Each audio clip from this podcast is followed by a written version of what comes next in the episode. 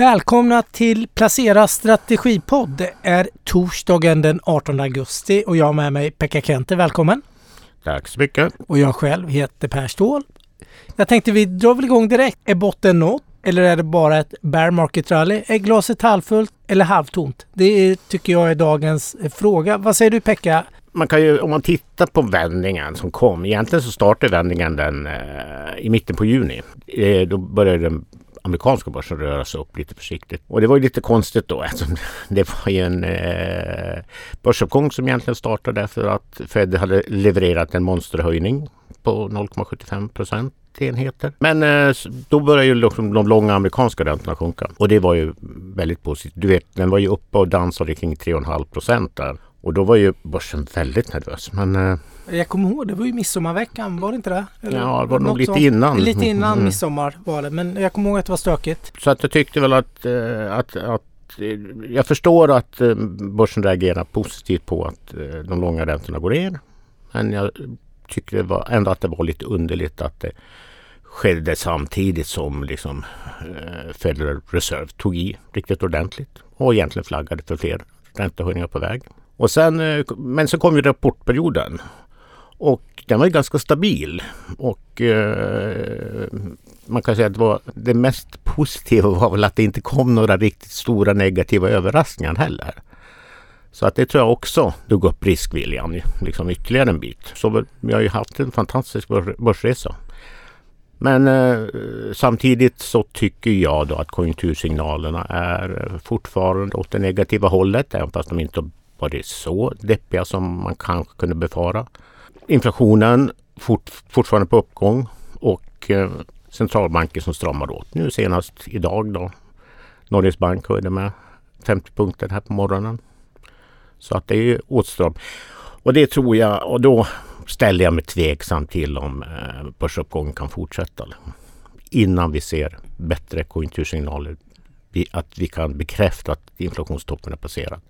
Men har vi inte sett lite att inflationstoppen är passera för den här gången. Ja, men jag tänker om du tittar på råvarupriser, du tittar på oljan, du, den typen av, det är ju ändå framåtblickande, eller det är ju här och nu priser men jag tänker på amerikansk statistik, även den svenska statistiken och ju ändå, den senaste datapunkten vi fick nu här i början på i augusti för juli var ju ändå en liten lite, lite lägre än förväntat? Eller var det lägre än förväntat? Det var ja, ju det på pappret ja, i alla fall. Ja, det var ju lite lägre än förväntat. Och, och, och som sagt jag tror att inflationstoppen kan vara passerad i, i USA. Alltså om vi tittar på den breda inflationen. Dock ska man ju ha i åtanke att kärninflationen, alltså när man rensar bort för energi och livsmedelspriser så är det fortfarande på uppgång. Och vi vet inte riktigt hur spridningseffekterna se, ser ut efter de här eh, prisuppgångarna som varit tidigare under året. Det kan fortfarande leta sig in i systemet. Och inflationen i USA ser annorlunda ut än i Europa. Där, om vi säger att det är mer en normal utveckling i, i USA. Man brände på alldeles för mycket under covidåren. Och nu får man betala priset. Men eh, drar man Fed åt så kan jag tro, eh, så kan nog inflationstoppen vara passerad. Och som, precis som du säger, råvarupriserna har sjunkit och bensinpriset har sjunkit som är väldigt viktigt i USA. Det som är negativt är väl att boendekostnaderna fortsätter att öka och de är ju ändå en tredjedel av KPI-korgen så att säga. Jag tänkte vi, innan jag som är lite mer bullish som vanligt, håller jag på att säga, eh, får argumentera emot lite här. Jag tänkte vi bör prata lite lite korta räntor för de har ju liksom inte följt med långräntorna på samma sätt vad jag förstår. Nej, korträntorna är ju upp eh, fortfarande. Och, eh, det är ju så att eh, ett tag så började man ju prisa ner antalet räntesänkningar i USA men nu har man börjat prisa upp dem igen. Man tror ju på, fortfarande på en ränta runt 3,5 procent i slutet av det här året. Och de här snabba räntesänkningarna som man tro, ett tag trodde skulle komma under 2023, de börjar man ju prisa bort. Fick man någon information igår från protokollet som man, man öppnade det senaste mötesprotokollet från Fed. Gav det någonting? Jag har inte läst särskilt mycket i mitt nyhetslöj. Jag har sett en kommentar bara som var ganska ljum. Ja, det, det, det, man säger och det man sa eh, vid, vid presskonferensen det är att man är datorberoende. Och att eh, man tittar inte så mycket liksom på, på liksom framåtblickande långsiktiga prognoser utan man är väldigt databeroende. Så väldigt mycket av vad Fed kommer att göra. beror på vilka inflationsutfall till exempel vi får och vilka, hur arbetsmarknaden ser ut. Vi fick en väldigt stark arbetsmarknadssiffra här för juli och får vi ytterligare en så stark siffra i augusti då lutar det åt eh, nya kraftiga räntehöjningar. Men eh, skulle inflationen då överraska på nedsidan så kan det bli bara en 50 punkters höjning. Och det är väl inte så där jättelångt till att man kommer att börja spekulera att de bara höjer med 25 punkter. Men det är inte där än. 50 eh, punkters höjning. Eh, prissättningen på marknaden ligger väl mittemellan 50 och 75 punkter ungefär. Eh, om vi tittar på Riksbanken.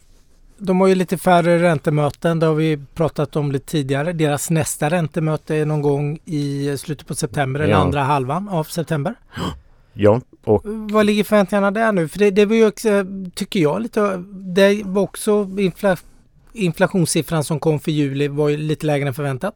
Ja, det breda inflationsmåttet, kärninflationen, eller var ju på väg uppåt. Eh, så återigen, jag tycker att eh, det är väldigt positivt att den breda inflationen eh, dämpas lite. Men centralbanksdilemmat kvarstår ju när kärninflationen fortsätter uppåt. Så att det blir ju en höjning. Får vi se med hur mycket. Jag hade ju önskat att man skulle höja i lite lugnare steg men nu hamnar man ju så långt efter övriga centralbanker och hamnar väldigt efter, långt efter ränte och inflationskurvor. Så ja, man kan ju mycket väl drämma till med 0,75 procentenheters höjning. Och det är lite få möten. Det är bara det är bara två möten kvar på det här året. Så jag tycker att man ska, ska ha lite för lite manöverutrymme. Man skulle ha, behöva ha lite fler möten. Ja, man blir stressad av att man har för lite möten. Men det går ju att göra extrainsatta möten vad jag förstår. Ja. De har gjort förr. Fast nu, eh, jag hade ju väl hoppats på en, ett augustimöte då. Att man skulle ha lagt in ett möte. Men nu är ju augusti på väg slut, till, mot sitt slut. Då, så att, eh, då ser det väl ut som att avvakta till september, till det ordinarie mötet. Det där är jättebra för det är en väldigt bra övergång Pekka. I slut, vi är snart i slutet på augusti. Det är det här stora, vad säger man, centralbankseventet och finansministereventet Jackson Hole. Ja. Och nu går det av stapeln lite med full kraft vad jag förstår efter de här covidåren vi har haft. Har du några förväntningar där att det kommer ut någonting? Gör man något gemensamt? Eh, jag tänker inte för klimatet men kanske med, med elpriser och det här. Tror du att, eh, ser du framför mig att det kommer något, några nyheter som kan röra om marknaden? Det, det tror jag det kan bli. För, för jag menar alla stora elefanter ska upp och dansa på scenen. Och, eh, så det är ett utmärkt tillfälle att klargöra var man står penningpolitiskt. Så att det kan mycket väl. Jag tycker att den här gången känns det som att det är så viktigt som det brukar framhållas. Eh, det har lite, varit lite blekt ibland. Men nu känns det som att det är hett. Ja, det är många frågor att diskutera. Ja. Det är en inflation mm. som är otämjd för tillfället får man väl säga. Och vi har invasionen av Ukraina med alla spridningseffekter det får både på matpriser och den europeiska el, elmarknaden som håller på att kollapsa mer eller mindre nu känns det ju som inför vintern. Ja, det, det är ju det som jag är allra mest nervös över. Det är ju att eh, tittar man på terminprissättningen i, på energimarknaden i Europa så är det ju brutalt. Jag menar el och gaspriser är ungefär sex eller åtta dubblats jämfört med hur det såg ut i fjol. Och ska vi ta terminsprissättningen så ska priserna upp ännu mer från dagens nivåer. Och det kommer ju dels att slå på inflationen men, eh, men eh, jag är ännu mer nervös för hur det kommer att påverka konjunkturen i stort. Alltså. Alltså konsumtionen, ja, konsumtionen. när vi får mindre mm. konsumtionsutrymme. Men där är ju politikerna nu, det är valår, i Sverige i alla fall. Det trummas ju igenom massor med eh, förslag som nu, jag har sett att flera av de eh, lite tyngre national professorerna i nationalekonomi mm. tycker att politikerna ska lugna ner sig lite nu för att alla de här förslagen ger kanske inte önskade effekter och så vidare. Vad, vad, har du någon syn på det eller vad tror du att det är nödvändigt att man går in och gör massor med, lägger tak och så vidare för, för att rädda konsumtionen och ge tillbaka pengar eller sänka skatter och dylikt? Ja, ja, jag tror att det är nödvändigt att göra någonting. Alltså sen, sen vet jag inte riktigt hur, hur ett bra förslag ser ut. Alltså sen, men i grunden så ska man vara försiktig med alla sådana här typer av tillfälliga åtgärder. Och, jag menar man skulle lika gärna kunna hävda då att ja, vi ska ha riktat stöd till unga hushåll som har köpt dyra lägenheter och och nästa år får eh, liksom eh, både räntehöjningar och troligtvis eh, höjningar av avgifterna i bostadsrättsföreningen och sådär. Eller om man bor i en villa så blir det dyra elpriser. Det, det är väldigt svårt med sådana här riktade insatser. Men som, som elmarknaden ser ut så måste man ju liksom ta något stort grepp Ja, för den är driven marknaden. av att det är ett mm. krig i Europa. Den, utan kriget hade vi inte haft den här situationen. Eh. Nej, nej då hade ju gasleveranserna, då hade vi haft en Nord Stream 2 igång. det, hade, det hade ju varit betydligt bekvämare e, både el och gaspriser. Men, eh, och Tyskland är ju det, det land som drabbas hårdast av det här eftersom man har gjort sig väldigt beroende av rysk gas. Men nå någonting måste göras. Jag har, ingen, jag har ingen lösning på det men eh, det här är alldeles för dyrt. Och det blir jätte jättetungt för hushållen att bära det här. Sen kan man ju alltid hoppas att priserna faller tillbaka. Vilket är också prissättningen på terminsmarknaden indikerar att vi får se ganska kraftiga nedgångar under nästa år. Men det kommer ju fortfarande vara betydligt högre priser än vad det var liksom 2021. Ja, det blir svettigt eller hur man ska ja, säga. Eller kallt mm, eller hur man nu ser ja. det. Lite kallare inomhus och lite färre duschar mm. och eh, och det, är, ja, och det är det som när vi pratar om björn eller rally eller inte. Då är det ju så att jag tycker att konjunkturutvecklingen ser så olika ut. Eller konjunkturförutsättningarna ser så olika ut i, i USA mot hur det ser ut i Europa. Jag är betydligt mer orolig för Europa än vad jag egentligen är för USA. Ja, och det där hör jag från flera fondförvaltare jag pratar med. De börjar att se USA. Det kommer inte drabbas lika hårt och det är eh, kan vara ett, en bättre region att lägga pengarna närmaste året. Vad vet jag? Men jag tar med mig några andra saker nu. Jag gillar ju Bank of Americas eh, den här investera, månatliga investerarenkäten. Ja, den brukar ju vara intressant läsning. Den är intressant. Det finns en lång tidsserie. Vi som tycker om tidsserier, Pekka, har mycket att gotta oss åt. Men den var ju lite överraskande. Jag tänkte på det som du pratar om att amerikanska långräntor, långräntan toppade där lite före midsommar. Och förra enkäten, de här kommer ju ut i mitten på varje månad. Den kom i förrgår, eh, den senaste. Men den före det som kom i mitten på juli, det var ju nya rekordnoteringar i pessimism får man säga. Den var gjord i början på juli. Alltså när fortfarande långräntan har gått ner men det har inte gått in i medvetandet eh, hos alla sannolikt, men, men hos några av Faltan. Men då, då, var det ju, den gjordes någon, typ mellan den 3 och den tionde juli, publicerades den 15, nådde all time low. Det var ju, nu var den lite bättre som kom. Man har betydligt man har inflationsförväntningarna närmaste 12 månaderna att inflationen går ner, att eh, de korta räntorna också kommer att vara lägre om 12 månader och så vidare och att det inte blir kanske lika djup eh, global nedgång i ekonomin som man trodde för en månad sedan. Då. Vilket hänger ihop med det vi ser med långräntorna då, vilket har fått eh, börsoptimismen att komma tillbaka. Frågan är om det är tillfälligt eller om det var en botten här nu vid i någon gång i juni.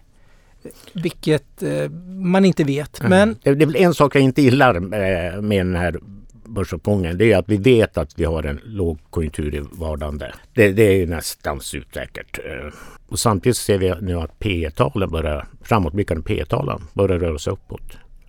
Det är jag lite orolig för. Det vill jag inte se så här tidigt när vi ändå, ännu inte har liksom, företagen ännu inte har påverkats av den förmodade konjunkturnedgången. Redan börjar justera upp liksom, priser och P-talen framåtblickande. Men det har väl att göra med kanske att, för man ser ju att bolagsvinsterna, även bolagsvinsterna har man en syn nu att de inte blir det blir inte lika mycket nedjusteringar som man trodde för en månad sedan.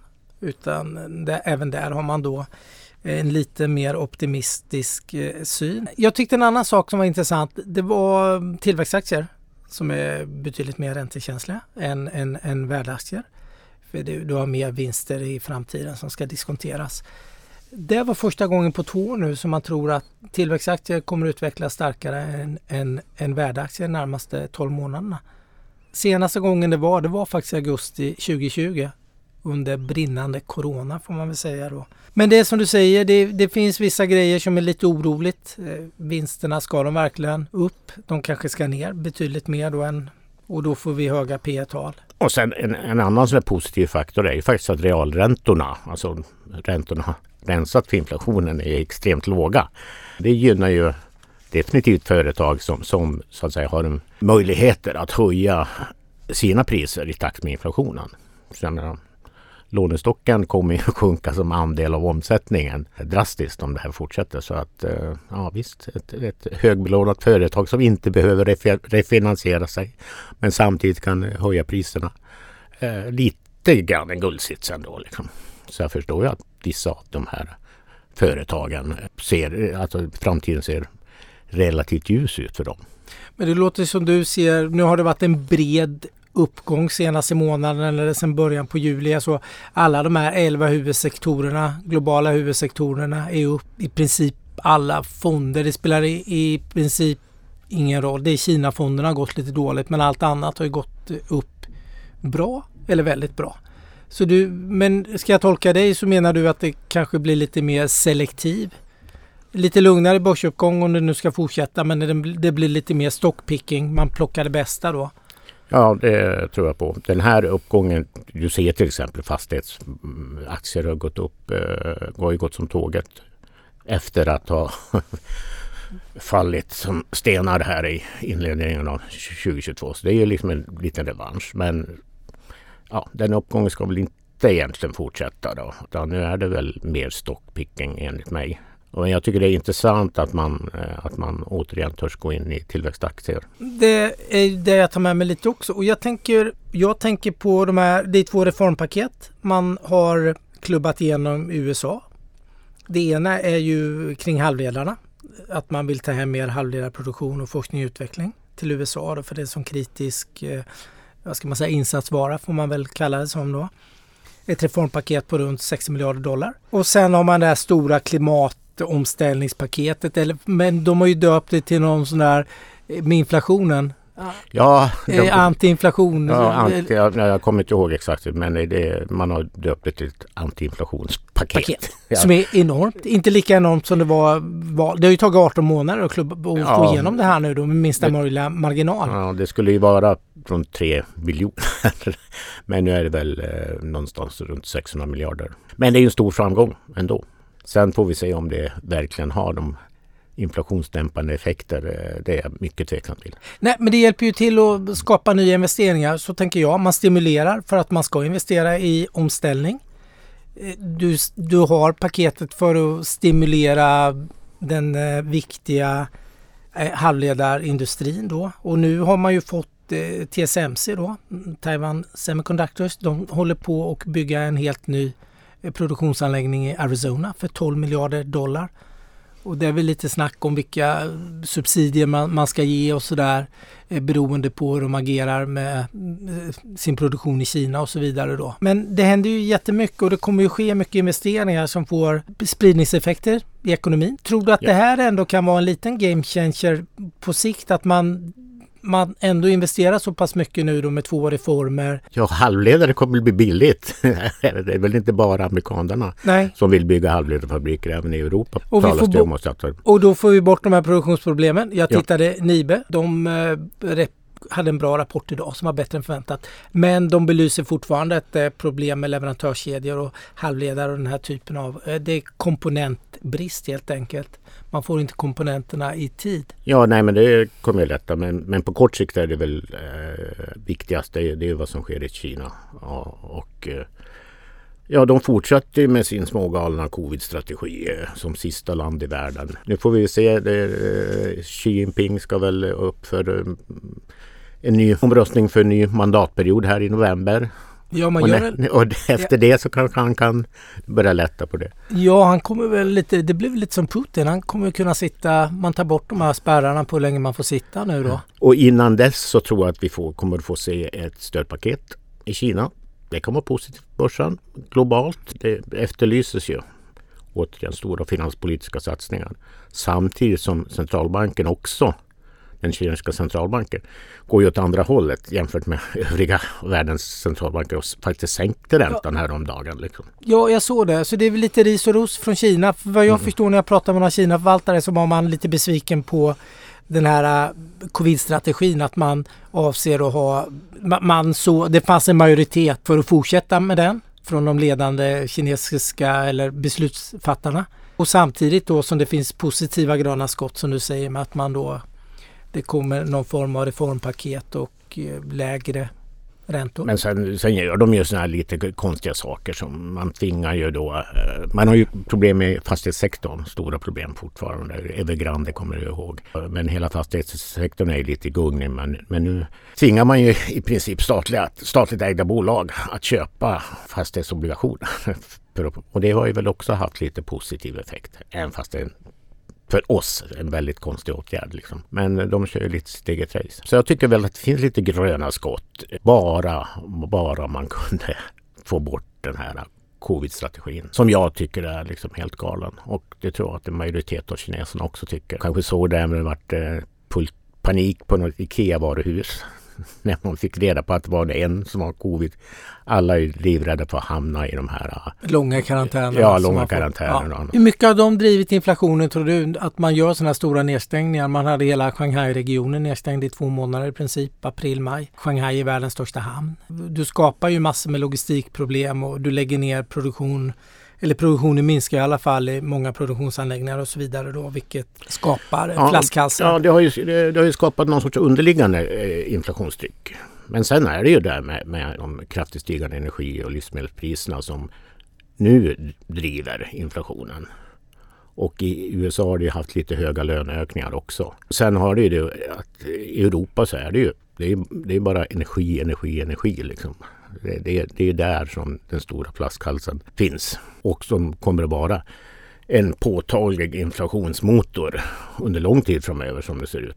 Det är ytterligare ett skäl att vara nervös för Europas ekonomi mer än för, för amerikansk. Så det, ja, så det är en spännande höst tycker jag att vi har framför oss. Sätta åtstramningar av centralbanker med Federal Reserve i spetsen. En energimarknad i, i Europa som inte fungerar men där vi hoppas på att det kan lätta lite ändå.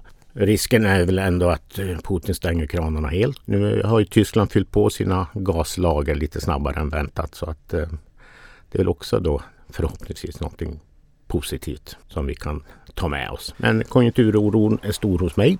Men om, framförallt för Europa. Nu har jag tjatat om det flera gånger på den här podden så att folk förstår att jag är orolig. Men du är lite positiv med Kina? Ja, det, nej, men alltså jag tror att uh, ja, USA, USA ser ju fortfarande rätt starkt ut och arbetsmarknaden är ju oerhört, är ju väldigt stark. Så att mycket beror på hur Fed kommer att agera och hur inkommande data kommer att se ut de närmaste liksom, månaderna.